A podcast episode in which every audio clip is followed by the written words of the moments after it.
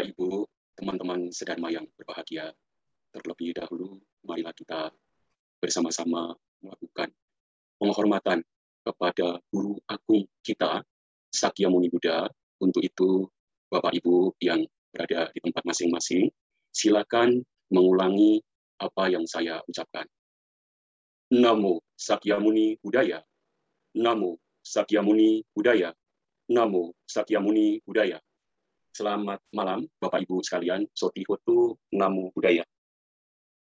Ah, uh, bahagia sekali rasanya pada kesempatan malam hari ini saya bisa kembali ya bertemu Bapak Ibu, teman-teman sekalian, walaupun uh, jarak tetap memisahkan kita. Jadi Bapak Ibu, saya cuma bisa tatap muka, tapi nggak bisa uh, suasananya beda, gitu ya. Jadi gini, Bapak Ibu, teman-teman sekalian, khususnya umat Wihara Pluit ya. Mungkin teman-teman ada yang baru pertama kali gabung dengan keluarga besar Wihara Pluit Dharma Suka. Saya ucapkan selamat bergabung. Tapi teman-teman yang merupakan udah umat lama di Wihara Pluit tentu banyak sekali rata-rata kita saling kenal ya. Udah lama sekali loh saya juga enggak ke Wihara Pluit sebelum COVID juga udah lama enggak enggak ke Wihara kemarin uh, Pak Sarwan ada hubungin saya dan minta jadwal saya. Waduh saya seneng sekali Bapak Ibu ya. Karena udah lama kangen. Walaupun cuma lihat lewat kamera minimal bisa melihat ya. Uh, pada malam hari ini tema kita mungkin adalah tema yang mungkin bapak ibu teman-teman sekalian baru pertama kali pernah mendengar ya. Seribu mantra seribu cara untuk hidup bahagia ya. Jadi kenapa saya ambil tema ini bapak ibu? Jadi ada yang melatar belakangi, uh, melatar belakangi kenapa saya ambil tema ini. Karena saat ini kita semua rata-rata hatinya atau batinnya dalam suasana atau keadaan yang sering-sering mendapatkan kondisi yang kurang baik, yang akhirnya memaksa diri kita untuk tidak bahagia kalau kita tidak mengenal Dharma dengan baik. Kadang yang sudah mengenal Dhamma cukup lama, tapi mengenalnya kurang baik, kurang berkenalan secara mendalam dengan Dhamma, kita masih juga terkontaminasi dengan suasana alam yang saat ini lagi berduka Bapak Ibu. Ya, Dukanya ini bukan dalam waktu yang singkat, tapi kita sudah melalui duka ini ya hampir dua tahun. Dan kemarin sempat meledak lagi, hampir pada bulan Juni dan Juli. Kalau saya buka handphone saya, kemudian saya buka WA, saya buka Facebook, saya buka IG Bapak Ibu, isinya adalah berita duka cita. Ya, berita duka cita yang terus tiap hari. Ya dari teman, dari saudara, aduh, banyak sekali Bapak Ibu yang memaksa batin kita untuk terkontaminasi dengan suasana dan keadaan yang membuat kita sedih, membuat kita menderita. Di awal bulan Juni, saya memetik buah dari karma buruk kita, saya, bukan kita ya. Karma buruk saya. Kebetulan saya, eh, istri saya, karyawan saya, itu kompakan. Berkenalan dengan COVID-19. Merasakan duka citanya berkenalan dengan COVID-19. Saya isoman bersama istri dan karyawan saya itu selama 20 hari Bapak Ibu. Sebenarnya di hari ke-10, ke-11 uh, sudah tidak merasakan uh, penderitaan artinya yang berat ya. Tapi sudah enak, badan sudah seger, istri saya udah lebih dulu sehat, karyawan saya lebih dulu dan saya di hari ke-10 dan ke-11 udah nggak ada gejala tapi masih lemes gitu ya. Dan uh, waktu saya kena itu, kebetulan di kompleks saya juga lagi uh, besar, padat yang kena gitu loh. Di Gading Serpong, BSD itu kalau kita ke apotik, kita ke rumah sakit, kita ke klinik, kita ke pusat pengobatan, itu sampai orang itu di parkiran, muntah-muntah, tiduran di parkiran, ah itu ke apotik panjang sekali ngantrinya, dan uh, itu adalah pemandangan yang membuat kita batinnya kita, hatinya kita, pikiran kita menjadi sedih mau tidak mau. Walaupun kita juga sudah mengedepankan wisdom kita, kebijaksanaan kita untuk mencoba mengerti, mencoba merenungi bahwa ini adalah hukum dari alam semesta yang siapa pun tidak mampu dan tidak ada satu makhluk pun yang bisa mengubah ini. Ini adalah sebuah hukum dari alam semesta. Yang mana kalau yang kebagian terpapar, seperti saya, istri saya, mungkin ada teman-teman yang di sini juga terpapar misalkan, itu adalah bagian dari buah karma masa lalu kita yang telah kita lewati baik dalam kehidupan sekarang yang udah lewat ataupun dalam kelahiran-kelahiran kita di masa lalu. itu kita nggak bisa menyalahkan siapa pun, ya. Dan kita tidak uh, cukup uh, kekuatan untuk bisa menolak itu. Walaupun teman-teman misalkan kita sudah prokes, jaga istirahat, minum vitamin, udah vaksin dua kali bahkan ada ya yang tetap kena. Jadi inilah suasana batin kita yang terkontaminasi dengan suasana alam eh, semesta yang ada di luar diri kita, yang di mana kita tinggal di dalamnya. Ya, dan teman-teman saya juga cukup banyak yang sudah melanjutkan kehidupan yang selanjutnya, bahkan saudara saya, adik sepupu saya juga ada satu yang melanjutkan kehidupan yang berikutnya. Jadi inilah keadaan kita sekarang, Bapak Ibu. Jadi suasana ini yang melahirkan saya untuk bicara tentang uh, tema di malam hari ini. Dan besok juga saya bicara hal yang sama pada waktu yang sama uh, jam 7 malam juga. Saya harus mengangkat tema ini karena menurut saya cukup penting. Jadi Bapak Ibu, sebenarnya boleh saja alam semesta ini bekerja sebagaimana mestinya sebagaimana adanya, ya. Tapi apa betul kita itu harus terkontaminasi dengan keadaan yang di luar diri kita, gitu loh. Bener nggak? Kalau di luar itu kacau, batin kita juga harus kacau, misalkan. Bener nggak? Kalau di, di luar itu penuh duka cita dan penderitaan, kemudian haruskah batin kita itu juga kacau, terus dipenuhi dengan penderitaan? Benar nggak? Kalau di luar itu sakit, atau alam ini sakit, Benar nggak sih batin kita itu juga harus harus ikut sakit, gitu loh. Dan jawabannya adalah Bapak Ibu, itu tidak benar. Kalau di luar itu kacau, di luar itu sakit, di luar itu penuh dengan penderitaan, tidak serta-merta batin kita harus terkontaminasi dengan penderitaan itu sendiri, kekacauan itu sendiri, penderitaan itu sendiri. Tidak, Bapak Ibu. Harusnya tidak. Ya, kenapa bisa seperti itu? Saya katakan. Ini semata-mata bukan karena saya yang mengatakannya Bapak Ibu. Jadi ini adalah apa yang dikatakan, disampaikan oleh Buddha, guru agung kita, kepada seorang pangeran. Nah, saya ceritakan Bapak Ibu. Pada suatu ketika, Sang Buddha sampailah di sebuah taman, hutan kecil di sebuah kerajaan di India. Pada malam hari itu, di kerajaan itu, di wilayah kerajaan itu, terjadi badai dan petir yang begitu dahsyat, Bapak Ibu. Ya, Kemudian sang pangeran dari penguasa kerajaan itu itu sedang berdiam di dalam istananya. Kemudian begitu menjelang larut, pangeran ini masuk ke dalam kamarnya. Yang ranjangnya itu berukir. Kemudian dia punya kalau sekarang ngomongnya spring bed, itu lembut, halus, luar biasa. Dan kemudian selimut beliau itu dari bulu domba yang sangat halus Bapak Ibu. Ya. Sekeliling ranjang itu di dalamnya dijaga oleh prajurit yang memiliki kesaktian dan kekuatan begitu besar. Di luar dari kamar itu, sekelilingnya diliput, dikeliling, dikelilingi dan dijaga oleh prajurit lagi. Di luar kamar dijaga lagi. Di luar dari kerajaan, sekelilingnya dijaga lagi. Jadi penjagaan itu begitu berlapis, Bapak Ibu.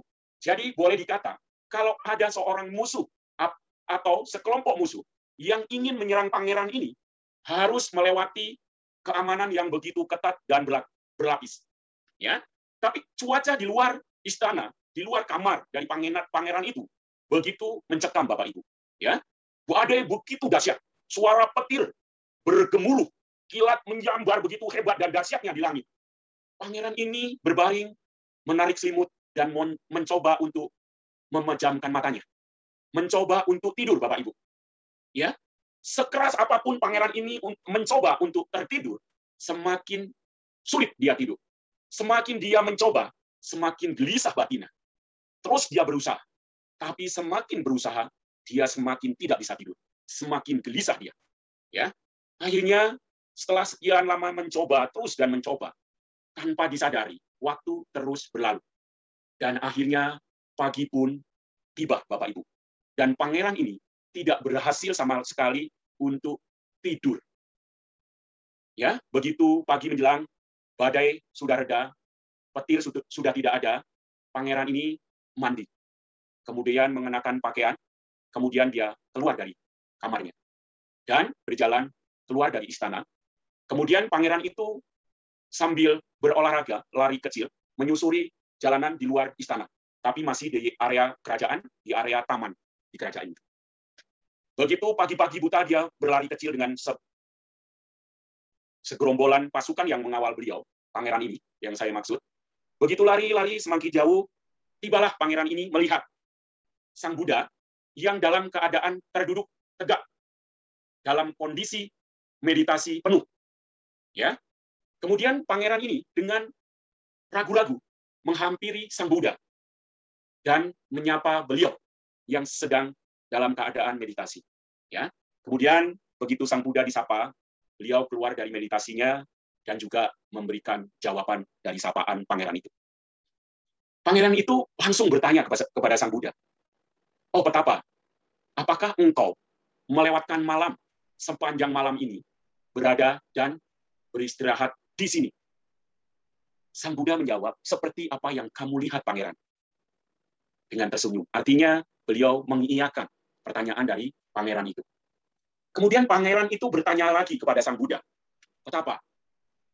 Apakah kamu bisa tidur dengan nyenyak sepanjang malam yang sudah dilewati tadi malam? Kemudian Sang Buddha menjawab lagi, seperti yang engkau tanyakan, Pangeran. Artinya Sang Buddha melewatkan malam ini dengan tidur, pulas dan nyenyak.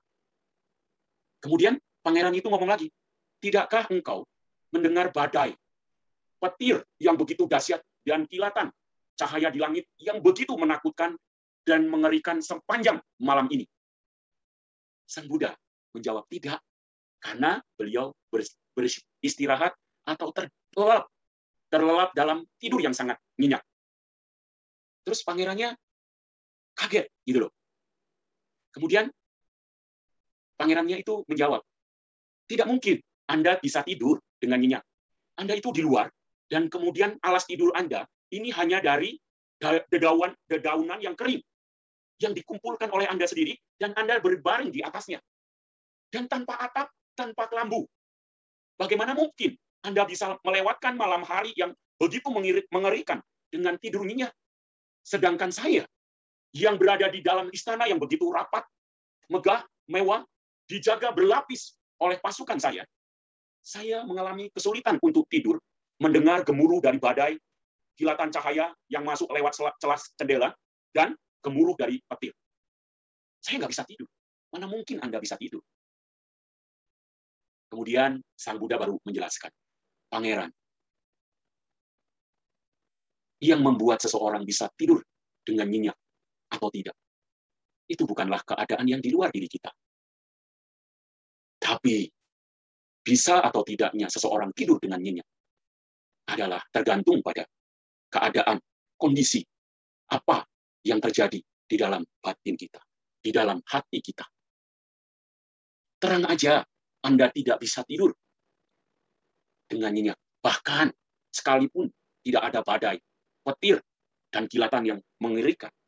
Selama batin Anda berisi keserakahan, kebencian, dan kegelapan batin, maka selama itu pula Anda tidak akan mampu tidur dengan nyenyak.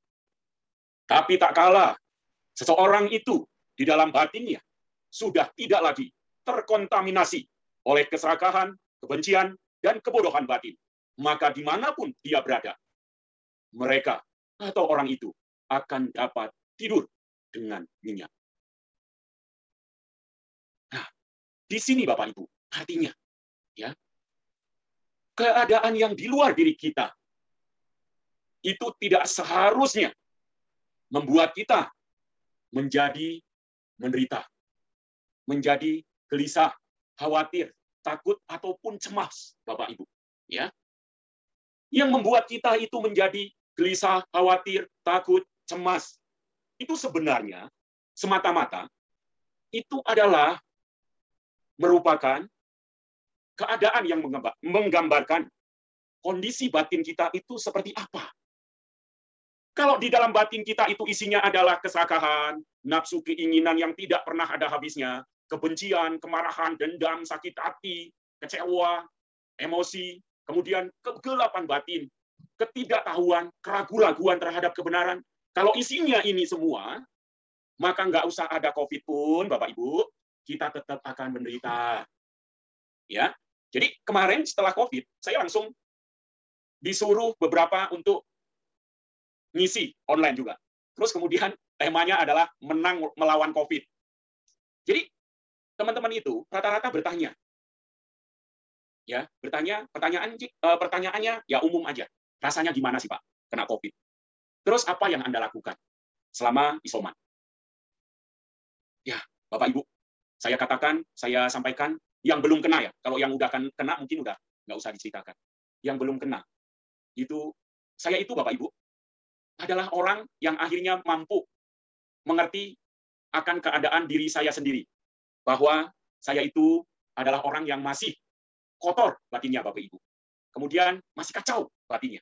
Ya, sebelumnya sebelum kena COVID saya masih pede bahwa saya ini latihannya cukup lumayan. Ya, kalau ngomong meditasi saya lakukan hampir setiap hari, nggak pernah bolong Bapak Ibu. Kalau ngomong kebaktian, saya mungkin salah satu orang yang kebaktiannya paling panjang di rumah setiap hari. Baca paritanya komplit lengkap. Ya, saya tadinya berpikir bahwa batin saya ini cukup bagus karena saya istilahnya udah testing. Kalau dicaci maki orang bisa kendalikan atau enggak. Kalau dengar hal yang harusnya membuat saya marah, bisa nggak saya kendalikan? Kalau rugi uh, usaha, kemudian saya bisa terima nggak? Saya larut nggak dalam kesedihan? Kalau kehilangan misalkan materi, sedih nggak? Gitu. Nah, beberapa kali saya rasa saya cukup mampu ya untuk uh, menangani problem masalah dan membuat batin saya saya baca sendiri wah cukup oke okay nih batin saya lah lumayan gitu tapi pas kena covid bapak ibu saya nggak bisa tidur lima hari satu kali 24 jam, Bapak Ibu. Setengah mati. Nah, di situlah saya sadar bahwa batin saya itu masih kacau. Masih, kalau boleh dibilang, ah, latihannya masih cetek. Masih jauh dari kata sempurna. ya. Tapi cukup beruntung saya. Saya selalu pada waktu kena itu, saya selalu ngomong sama istri, beruntung kita pada saat kena ini sedikit banyak udah belajar. Jadi bisa menetralisir rasa semua yang terjadi pada jasmani kita ini. Walaupun tetap nggak bisa tidur ya. Nah, saya ingat apa yang Buddha sampaikan. Ya, jadi pas saya ingat itu, jadi saya pikir bahwa saya tidak bisa tidur ini artinya bahwa keadaan batin saya nggak cukup mampu untuk uh, istilahnya menanggung keadaan yang di luar. Walaupun itu jasmani saya sendiri. Sebenarnya harusnya kalau yang Buddha sampaikan tadi, yang di cerita saya sampaikan di cerita, cerita tadi, Harusnya ketika saya sakit keras dan badannya juga sakit, kalau batin saya cukup bersih, harusnya saya bisa tidur dengan nyenyak. Tapi diserang rasa sakit yang amat hebat pada jasmani saya, itu yang saya uh, rasakan adalah, jadi saya itu akhirnya menolak. Penolakan itu muncul dari batin saya. Menolak apa? Menolak rasa ketidaknyamanan.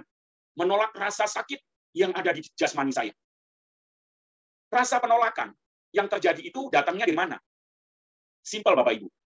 Ketika saya menolak rasa sakit dan menginginkan rasa enak di badan saya, itu artinya saya masih melekat Bapak Ibu dengan jasmani saya sendiri. Itu yang pertama. Yang kedua, saya masih ingin yang enak dan nggak mau yang nggak enak Bapak Ibu. Ini harus dicatat. Jadi artinya saya masih mau yang bahagia dan menolak penderitaan.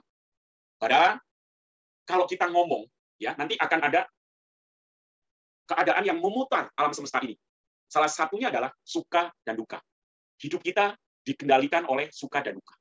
Selagi kita menolak duka dan merangkul, mengikatkan diri kita dengan keadaan suka, maka berarti batin kita masih kotor, Bapak Ibu. Begitu saya menolak rasa sakit saya, muncullah di situ yang namanya kebencian, Bapak Ibu. Enggak suka dengan rasa sakit. Ya, jadi Rasa sakit itu muncul menyelimuti, menggerogoti jasmani saya, seluruh tulang itu, badan itu dari ujung rambut sampai ujung kaki sakit bukan main Bapak Ibu, ya. Jadi seperti apa yang Buddha sampaikan di dalam Dhamma Cakapawatana Sutta, berkumpul dengan hal-hal yang kita tidak sukai atau kita tidak cintai, itu adalah duka atau penderitaan. Rasa sakit yang mendera itu yang saya tidak tidak suka Bapak Ibu. Makanya timbullah penderitaan. Dari situlah ya saya tidak bisa tidur. Berarti benar kata Buddha. Selagi masih ada keserakahan, nafsu keinginan, kemelekatan, kebencian, dendam, sakit hati, dengki, amarah, kegelapan batin, ketidaktahuan, keraguan-raguan dalam batin kita, maka seseorang itu tidak akan pernah bisa tidur dengan nyenyak. Gitu loh. Nah ini saya cerita sendiri Bapak Ibu, apa yang saya alami.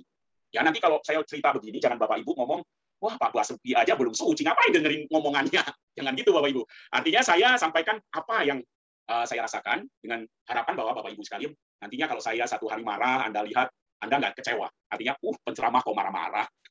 Kalau saya melakukan hal yang negatif, misalkan Anda lihat, ya, saya belum suci, manusia biasa. Nah, sekarang Bapak Ibu, bagaimana mantra yang harus kita lafalkan untuk bisa mengusir seluruh keadaan batin yang tidak baik yang kita miliki. Nah, ini kan penting Bapak Ibu, untuk kita bisa uh, akhirnya mendapatkan kondisi batin yang bagus, yang baik. Ya kan? Nah, apa itu mantra sih sebenarnya? Mantra itu dalam kata harfiahnya adalah sebuah kata-kata yang dirangkai untuk menguatkan batin kita, untuk menjadikan seseorang lebih baik, untuk menjadikan seseorang itu mencapai tujuan yang ingin dicapai. Gitu loh. Nah, seperti apa modelnya? Kalau eh, saya kan orang Jawa. Kalau orang Jawa itu lebih mengenal mantra misalkan mantra Semar Mesem atau mantra Jaran Goyang, Bapak Ibu. Kalau Anda pernah dengar itu, itu artinya mantra untuk menaklukkan lawan jenis.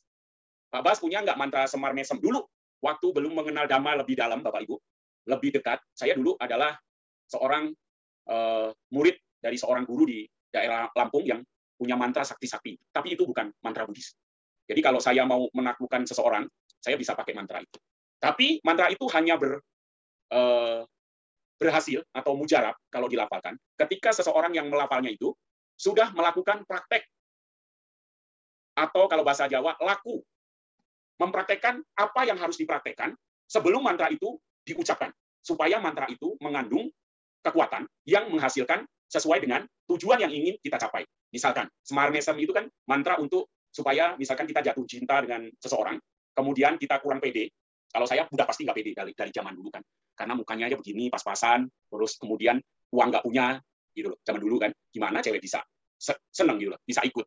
Kalau muka pas-pasan atau cenderung jelek kayak saya misalkan tapi duit duitnya banyak hartanya banyak bisa. Dapat cewek nggak usah pakai mantra ya. Tapi kalau udah jelek kemudian nggak punya duit harus pakai mantra baru bisa dapat cewek kalau orang yang nggak nggak mengenal dhamma begitu bapak ibu dulu itu saya lakunya bukan laku eh, bahasa Indonesia-nya apalah ya laku artinya uh, sebelum sebelum saya mengenal dhamma itu untuk supaya mantra dari Semar Mesem guru saya itu saya bisa lafalkan dan berhasil gitu. Saya harus puasa tiga hari tiga malam, nggak makan nggak minum bapak ibu.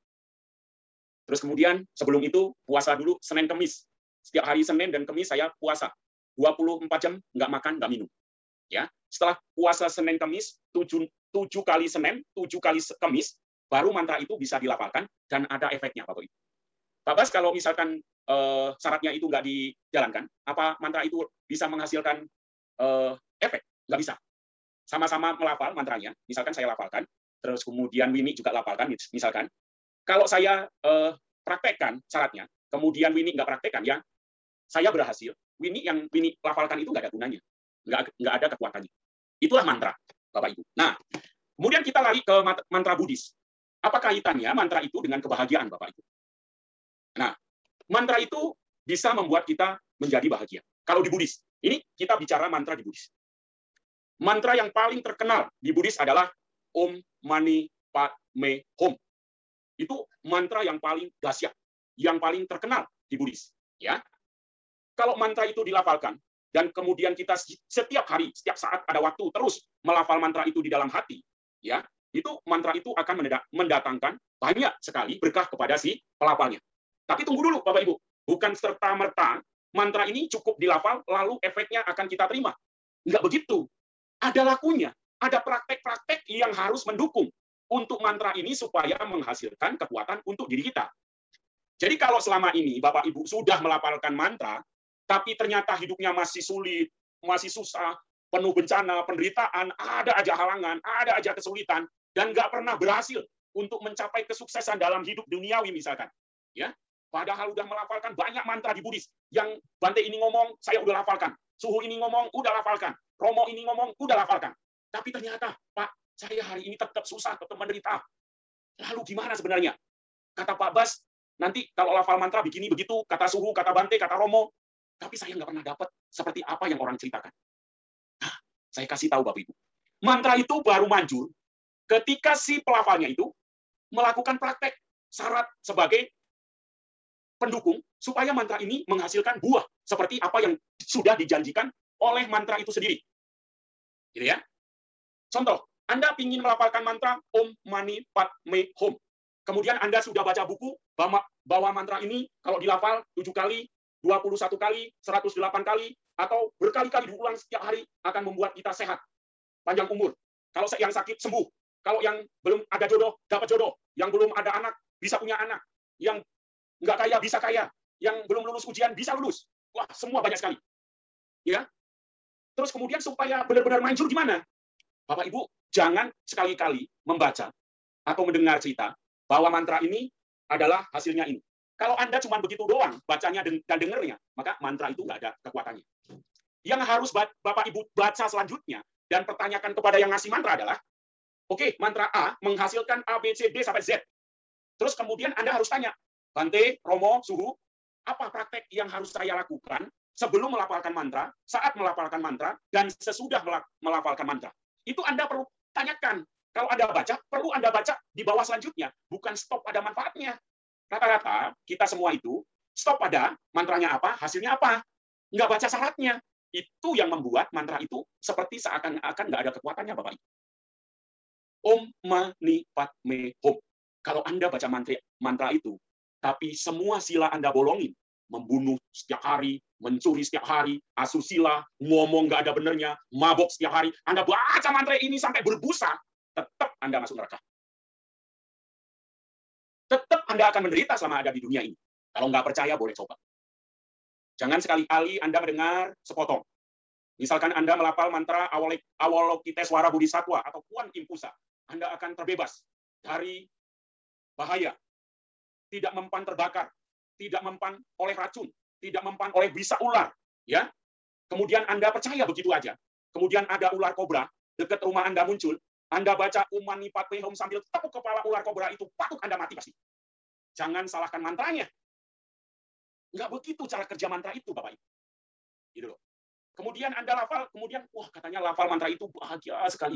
Ah, damai sekali. Kemudian Anda lafal, kemudian pada saat melafal itu, Anda sambil potong leher ayam korok, Anda sambil berburu, Anda sambil mancing. Enggak begitu, Bapak Ibu.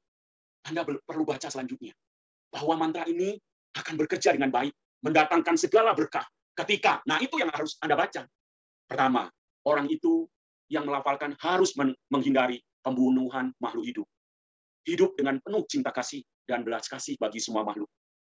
Orang yang melafalkan harus tidak pernah mengambil barang yang tidak diberikan oleh orang lain, walaupun hanya sebesar jarum. Orang yang melafalkan harus setia terhadap pasangannya, tidak pernah asusila, tidak pernah melanggar perkawinan kalau yang sudah menikah.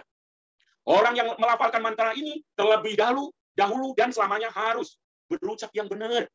Enggak bohong. Tutur katanya harus lembut, enggak boleh marah-marah, caci maki, gosip, enggak boleh. Harus kata-katanya benar, merupakan kebenaran, lemah lembut, penuh kasih sayang. Kata-katanya bermakna, bermanfaat bagi pendengarnya, membahagiakan bagi pendengarnya, membuat pengetahuan bagi pendengarnya lebih baik lagi. Dan yang melafalkan harus menghindari mabuk-mabukan. Ini penuhin dulu Bapak Ibu. Ya, ini penuhin dulu, ini syarat mutlak. Kalau saya tadi udah ceritakan, sebelum saya melafalkan mantra Semar Mesem, Jaron Jaran Goyang, itu saya mesti puasa tujuh Senin, tujuh Kamis. Dulu baru boleh melafalkan dan manfaatnya baru kelihatan, efeknya baru terlihat. Kalau saya nggak puasa dulu, begitu dapat mantranya langsung ketemu cewek, lafalkan bukan dapat cewek, bonyok kepala Bapak Ibu. Dibukupukin orang loh. Gitu loh. Nah, artinya kalau di Buddhis itu, Anda harus lihat dulu bawahnya. Rata-rata dari Anda itu semua seneng baca hadiahnya, apa yang akan didapat kalau begini, tapi nggak baca syaratnya. Kan kalau beli apa-apa, properti atau apa di bank pun, kalau misalkan di promosinya itu tertulis nabung 10 juta, dapat handphone misalkan uh, Samsung yang keluaran terbaru misalkan.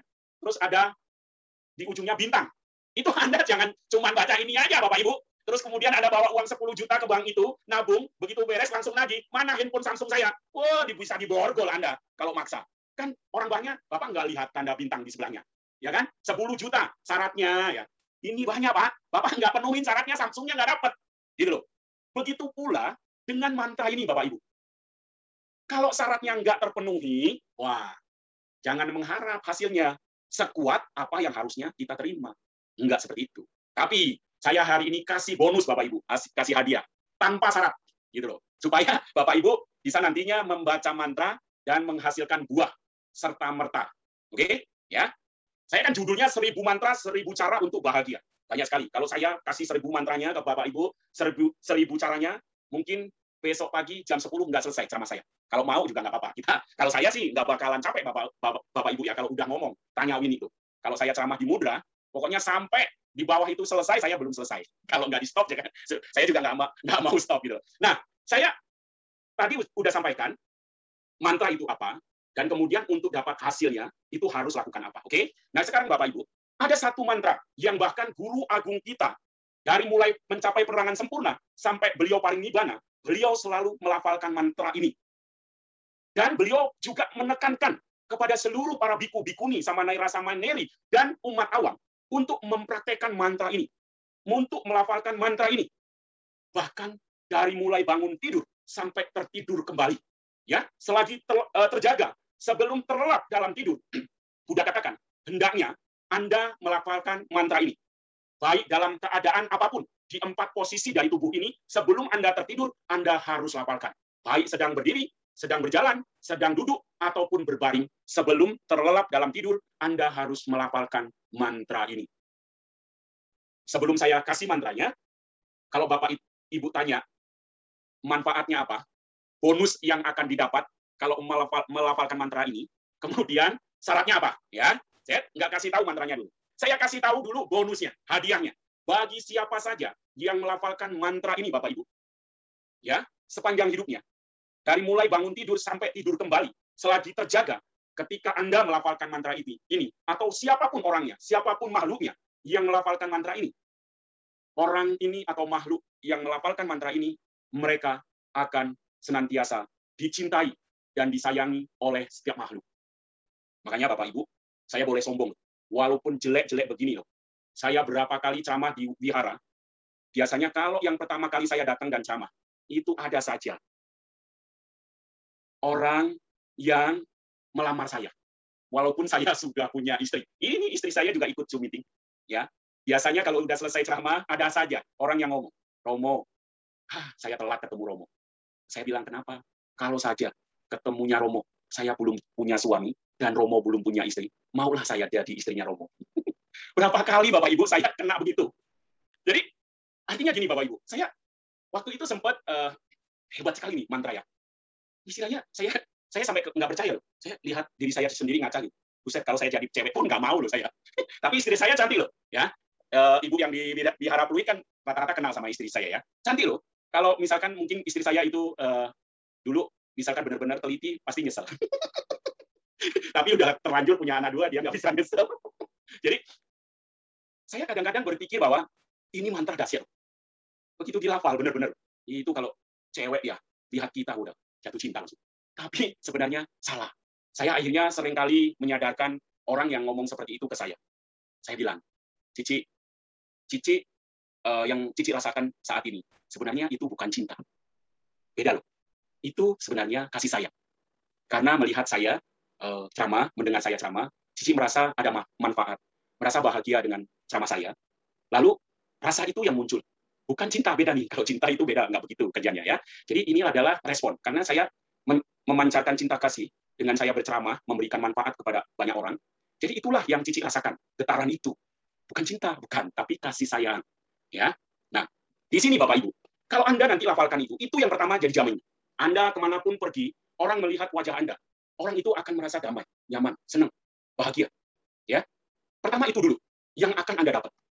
Makanya, kalau kita ngomong, ketemu biku sangga, para bante, misalkan, oh bantenya hitam, tapi damai, kita lihatnya enak, damai, tenang, kita batinnya bahagia lihat bante.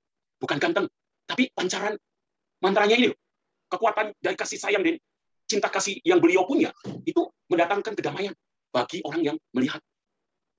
Makanya dulu ada yang mulia Pak Ao Sayado datang ke Wihara Pluit waktu itu saya dan Pak Untung itu menyiapkan uh, air di baskom, handuk. Jadi begitu yang mulia turun dari mobil, wah lihat mukanya aja Saya udah damai sekali. Wah, bahagia, benar-benar bahagia. Dan murid-murid beliau itu rata-rata semuanya damai. Kita lihatnya udah adem dulu gitu. Damai, tenang, bahagia. Lalu saya berdua sama Pak Untung cuci kaki beliau satu-satu lap dengan handuk. Semua muridnya juga sama. Wah, bahagia sekali. Saya kalau ingat yang saya ceritakan ini, bahagia lagi. Setiap ingat itu bahagia lagi. Nah, ada satu uh, saya lain yang murid dari beliau itu yang metanya kuat banget. Itu luar biasa. Itu yang mulia saya lain di Pankara. Itu mantranya jago. Dan kekuatannya itu luar biasa. Kita lihat, nggak usah ngomong, beliau belum ngomong aja, udah ngalir air mata kita, saking damai. Nah, kemarin saya ikut uh, Zoom meeting-nya, yang mulia Dalai Lama beserta seribu pelajar Indonesia. Pas yang mulia Dalai Lama tutup dengan meditasi, compassion. Waduh, saya baru begini aja, udah damai sekali. Wah, ini luar biasa.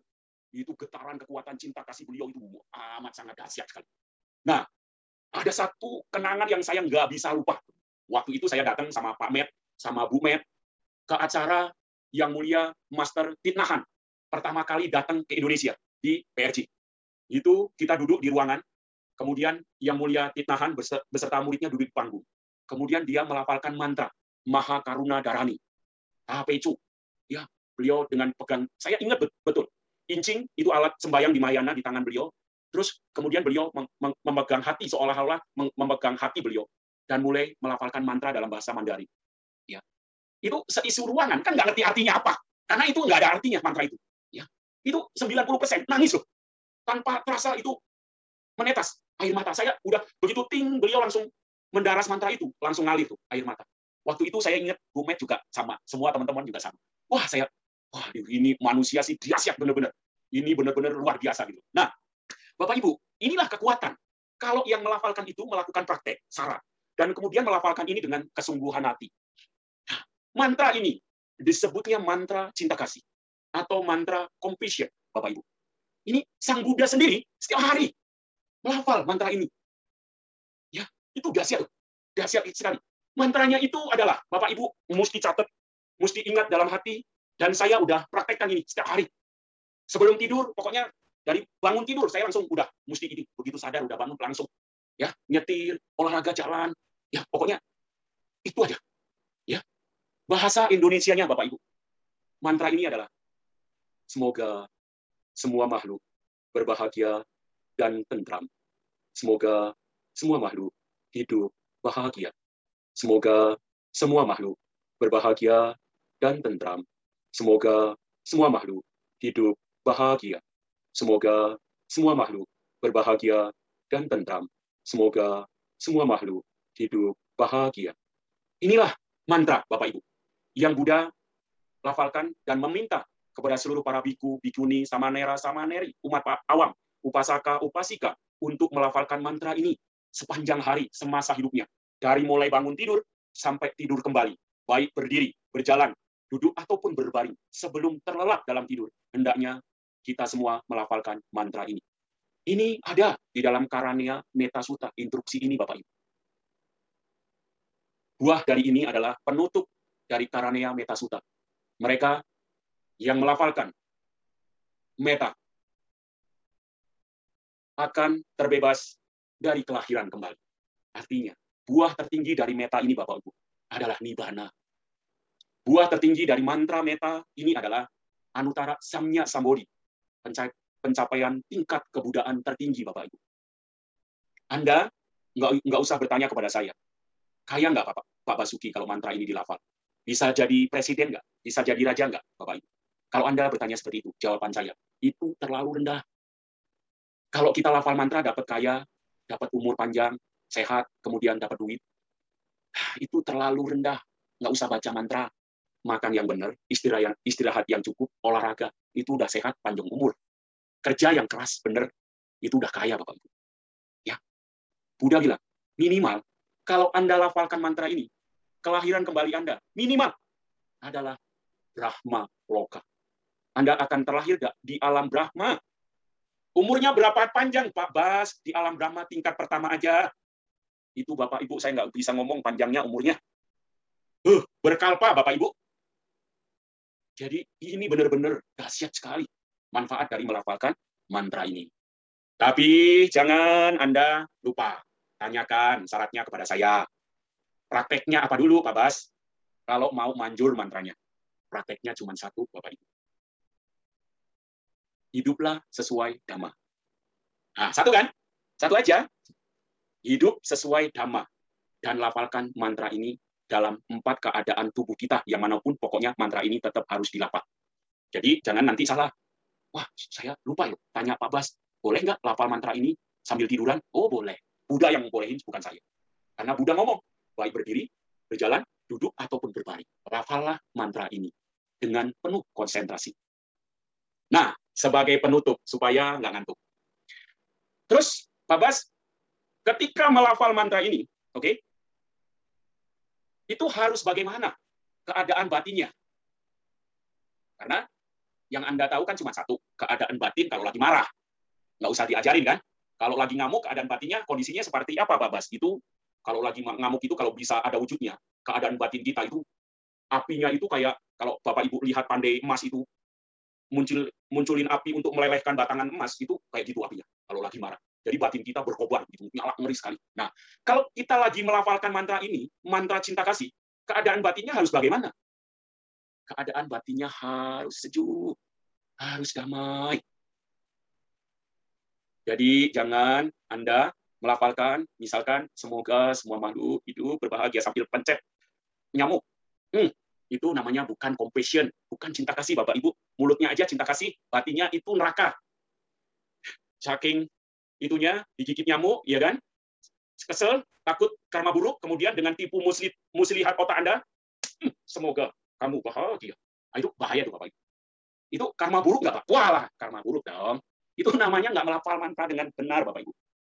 Makanya di Karanea Metasuta, bagi yang punya parita ini, boleh dibuka nanti setelah Anda uh, selesai ya ceramah ini, atau kapan-kapan Anda buka. Kalau nggak punya parita ini, Anda boleh download. Ya, sekarang canggih. Download di sini namanya Parita Suci. Ya, tinggal ketik, itu ada, kita tinggal manfaatkan aplikasi itu. Di situ ada keadaan batin pada saat melafal ini harus bagaimana? Udah udah jelaskan. Selayaknya seorang ibu yang mengasihi putra tunggalnya. Nah, itulah keadaan batin yang harus kita siapkan pada saat kita mau melafalkan mantra ini, Bapak Ibu. Ya, bisa dimeng bisa dimengerti ya. Jadi pada saat kita mau melafalkan mantra cinta kasih, keadaan batin yang harus kita munculkan adalah membayangkan pada saat kita memeluk anak kita yang paling kita sayangi. Bapak, saya belum punya anak, boro-boro anak merit aja belum, gimana bisa bayangin? Bayangkan saat Anda momen di mana Anda meluapkan keadaan kasih sayang Anda. Misalkan kalau saya, misalkan misalkan kalau saya udah punya anak, jelas bisa merasakan kasih sayang orang tua kepada anak. Ya itulah yang harus kita pancarkan pada saat mendaras atau melafalkan mantra yang saya sudah sebutkan tadi. Tapi kalau belum punya anak, belum bisa merasakan kasih sayang orang tua kepada anak, gimana? Boleh kasih sayang dari anak kepada mama, kepada papa. Saat mungkin kita satu saat yang udah lewat, benar-benar yang pernah ikut Hari Ibu di Pluit, nah, pasti pernah merasakan luapan kasih sayang yang dahsyat ya, kalau pernah ikut. ya. Pada saat Anda sujud di kaki mama papa Anda, kemudian mama papa Anda membelai kepala Anda, kemudian mendoakan Anda, kemudian memeluk Anda, kemudian Anda menangis, orang tua Anda menangis, saling berdoa, begitu rekat kasih sayang pada saat itu. Nah, rasa yang seperti itulah yang kita harus hadirkan pada saat kita mendaras atau melafalkan mantra cinta kasih atau kasih sayang ini. Ya, ada satu umat dulu pernah ikut tapi jarang ke Wihara Pluit. Dia pernah ikut perayaan Hari Ibu. Kemudian sampai sekarang kan dia jadi customer properti saya yang setia sampai sekarang masih jual beli lewat saya. Nah, dia kalau ketemu saya ingat momen pada saat di Wihara Pluit itu, ya orang ini kan orangnya kasar gitu, kasar orang Medan, kasar. Terus kemudian nggak pernah gitu nangis nggak pernah, bapak-bapak gitu. Jadi kalau ketemu saya, dia selalu pukul saya, sialan lu gitu. Kenapa kok saya bilang? Gua kalau inget di Wihara Pluit, gua kesel sama lu. Gua nggak pernah lu nangis kayak gitu. Tapi di wihara, ini, wihara itu, gua nangis. Gua malu kalau inget itu. Terus ada videonya lagi katanya. Dia kemudian dikirim sama uh, si panitia ke anaknya. Dia lihat. Jadi dia simpen kalau lihat itu dia kesel katanya. Saya bisa dibikin nangis begini gitu. Kesel. Nah, saya yang saya ingin ceritakan di sini adalah rasa seperti itu yang harus dimunculkan pada saat Anda melafalkan semoga semua makhluk berbahagia dan tentram. Semoga semua makhluk hidup bahagia Hah, itu rasa itu yang harus muncul, muncul Bapak Ibu. Kalau rasa itu muncul, mulut melafal atau batin melafal tidak keluar suara. Percaya sama saya. Seketika itu juga manfaat dan efek dari mantra ini akan terjadi pada diri Anda. Yang pertama, Anda akan merasa damai. Sekujur tubuh Anda akan merasa bahagia sekali. Nah, itulah yang uh, saya sekarang ini praktekkan sepanjang hari setiap hari dalam hidup saya. Dengan seperti itu, kalau ditanya, Pak Bas masih suka marah-marah nggak? Ada. Ada kalanya. Misalkan 24 jam, 10 hari ada marah, misalkan sekali sama anak. Misalkan anak ngapain, nah, saya kasih tahu, gayanya marah, tapi kan tetap cinta kasih. gitu loh. ya. Nah, itulah Bapak Ibu.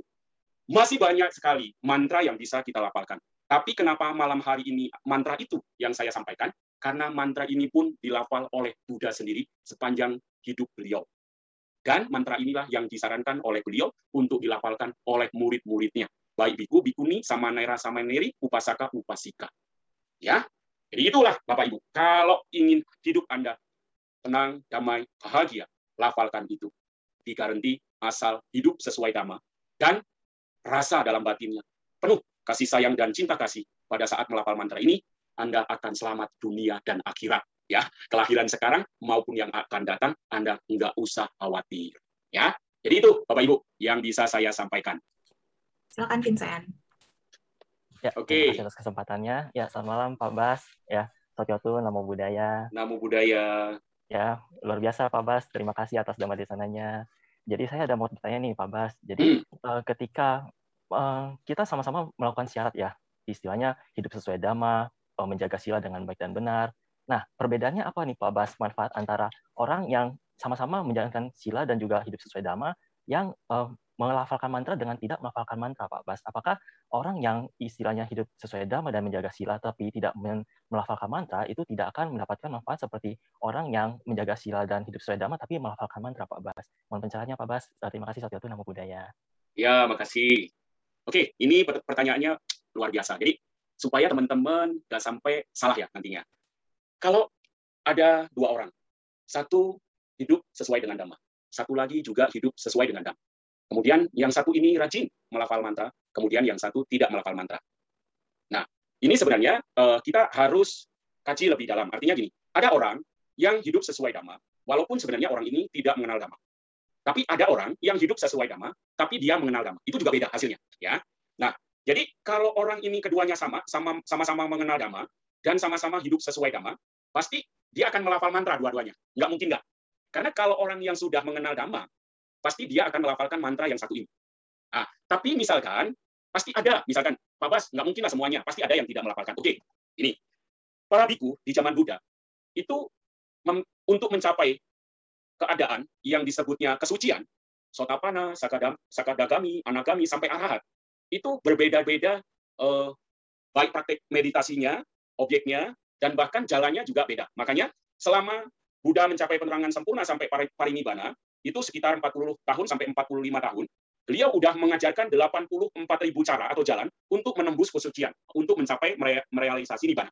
Ya, tapi 84 ribu ini lahir secara otomatis dari compassionnya Buddha, dari cinta kasihnya Buddha. Jadi kalau dalam analogi, Buddha itu sampai menganalogikan bahwa beliau itu seperti seorang ayah, ya, yang menyelamatkan seluruh anaknya yang sedang bermain di rumah yang sedang terbakar hebat, tapi anak-anak ini yang ada di dalam itu nggak tahu kalau rumahnya itu sedang terbakar hebat. Jadi anak-anak ini bercanda, riang, gembira, lari sana sini sana sini, ya. Kemudian Buddha dari luar sebagai seorang ayah melihat bahwa atap rumah itu sudah terbakar hebat. Kalau anak-anak ini nggak segera berlari keluar dari rumah mati semuanya terpanggang. Jadi Buddha dengan welas asihnya, dengan cinta kasihnya, dengan ketenangan batin beliau, beliau ngomong, Hai anak-anak, di sini ada mainan yang lebih seru loh. Papa datang nih baru beli ini dahsyat sekali. Itu yang di dalam nggak ada apa-apanya. Ini lebih luar biasa. Wah, bagus sekali. Wah, anak-anak yang dengar begitu, semuanya langsung lari keluar. Begitu sampai di Buddha, sebagai seorang ayah, anak-anak itu tanya, mana mainnya, mainannya? Kemudian Buddha itu ajak lihat seluruh anak-anaknya menghadap ke rumah itu. Baru anak-anak ini semua sadar bahwa rumahnya sedang terbakar. Buddha tidak bawa mainan, tapi untuk menyelamatkan anak-anak ini dikasih sebuah iming-iming. Nah, jadi inilah yang Buddha lakukan untuk menyelamatkan kita semua dari penderitaan. Makanya seluruh apa pun yang Buddha upayakan itu, itu semuanya diciptakan, diupayakan, disajikan untuk supaya setiap orang itu bisa keluar dari penderitaan. Nah, kalau kemudian ada orang yang hidup sesuai dhamma, kemudian dia tidak mendaras mantra, kemudian satu mendaras mantra. Sebenarnya ini, kalau kita masuk ke dalam dhamma sendiri, semua yang mengerti dharma pasti mendaras mantra. Karena 84 ribu pintu Dharma atau ajaran Sang Buddha itu, seluruhnya itu adalah mantra. Tidak ada satupun yang bukan mantra. Bahkan ketika teman-teman membaca Wandana, Tisarana, Pancasila, Wandana sendiri adalah mantra. Tisarana sendiri adalah mantra. Dan Pancasila sendiri adalah mantra. Ketika mendaras itu, itu adalah mantra. Begitu seorang biku zaman Buddha ngomong, kemudian Buddha sampaikan, eh biku. Biku itu langsung rontok rambutnya, langsung serta-merta mengenakan jubah, mendapatkan patra dan seluruh kelengkapan biku. Kemudian merangkapkan tangan, langsung Budang Saranang Gacami, Damang Saranang Gacami, Sanghang Saranang Gacami. Itu adalah mantra yang membuat seseorang itu terbebas dari kelahiran di alam raka, binatang, setan, dan asura.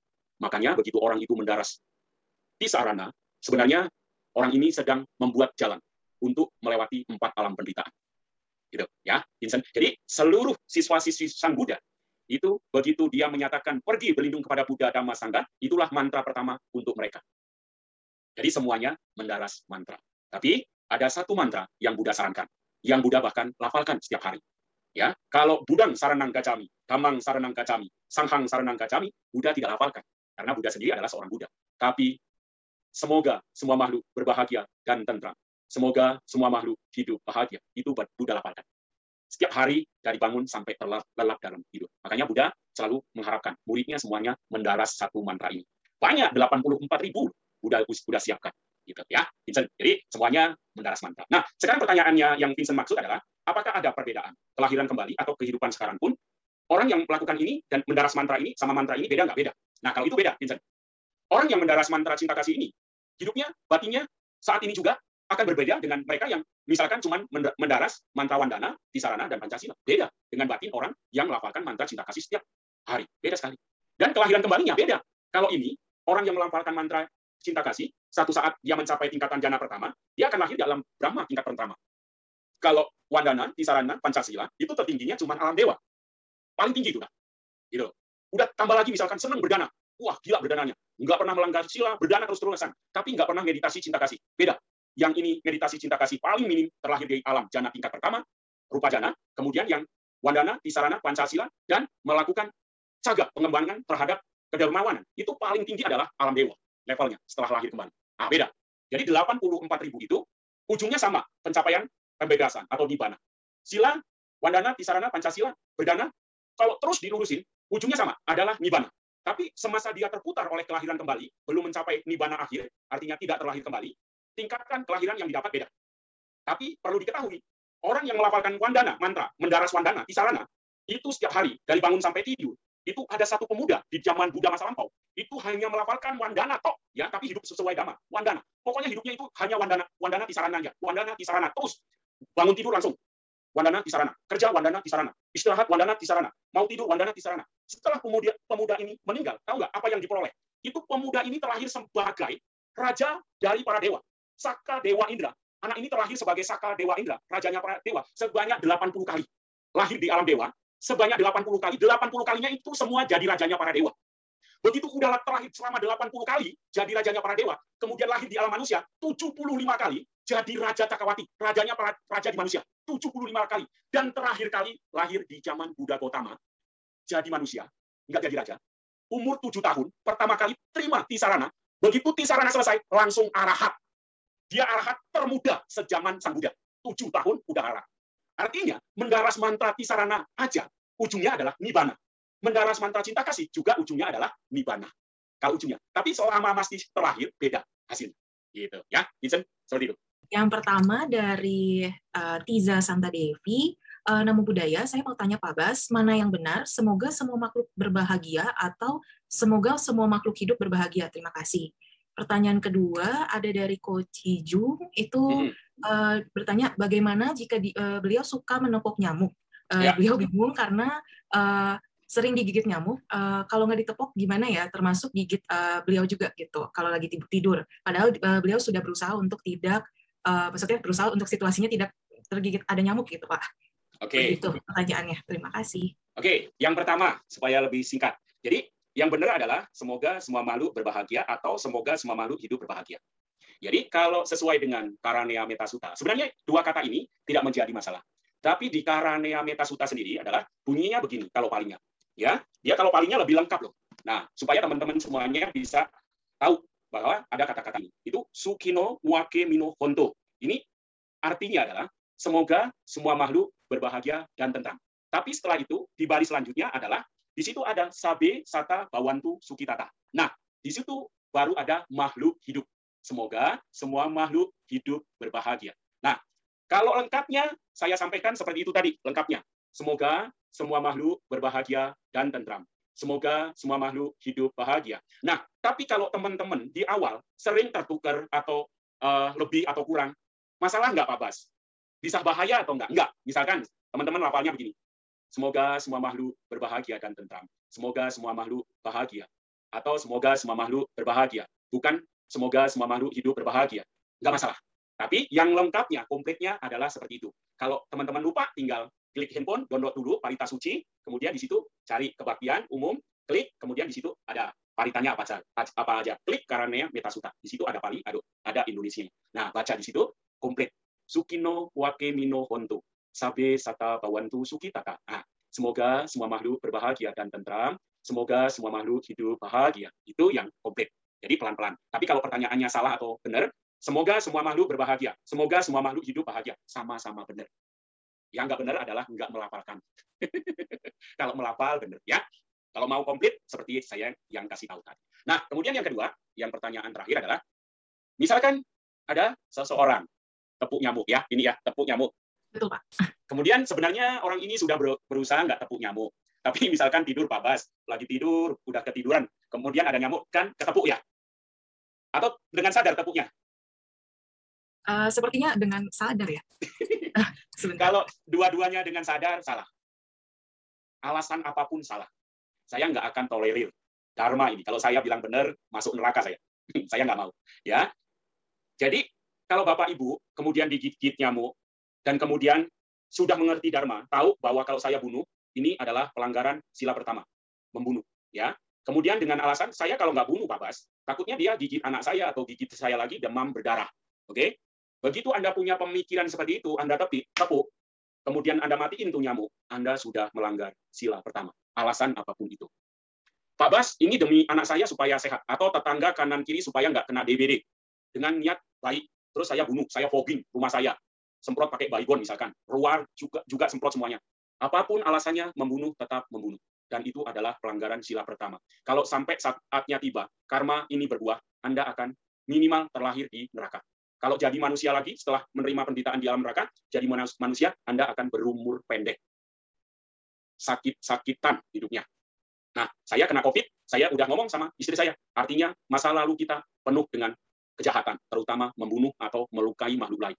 Saya bilang sama istri, mungkin kita dulu menyiksa, membunuh, bukan membunuh, menyiksa makhluk lain, karmanya berbuah. Kalau kita membunuh, mati kita kena COVID ini.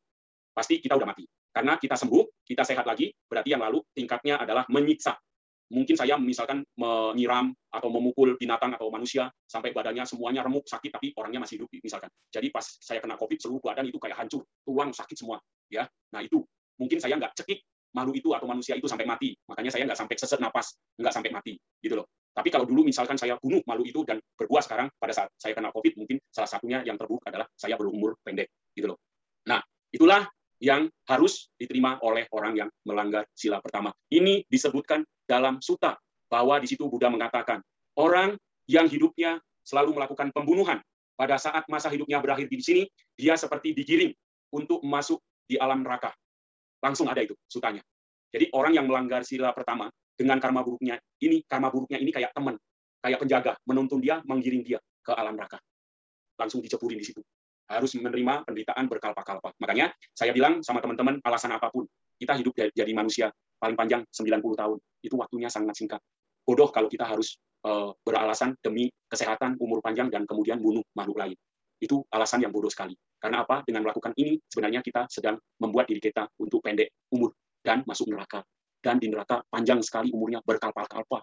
Gitu loh. Makanya saya sering ngomong sama teman-teman, Jangan, jangan, jangan, jangan langgar sila dengan alasan apa pun. Umur kita nggak cukup panjang untuk dengan alasan itu untuk hidup bahagia, misalkan nyuri atau apa atau apa, biar kita sekarang hidupnya bahagia. Pendek, pendek sekali. Terus kemudian gara-gara itu kita harus masuk neraka berkata-kata. Bodoh, bodoh. Ya, jadi pokoknya alasan apa pun nggak boleh. Kalau nggak mau banyak nyamuk di rumah, rumahnya harus bersih, rapi. Jangan gantung pakaian di mana-mana supaya nyamuk nggak bersarang. Kalau bersih, rapi, nggak ada air di tanggonan yang membuat nyamuk bisa nelor, ada jentik nyamuk, kemudian gede, banyak nyamuk di rumah kita, Ya, jadi kalau nggak mau banyak nyamuk, semua rumah harus bersih.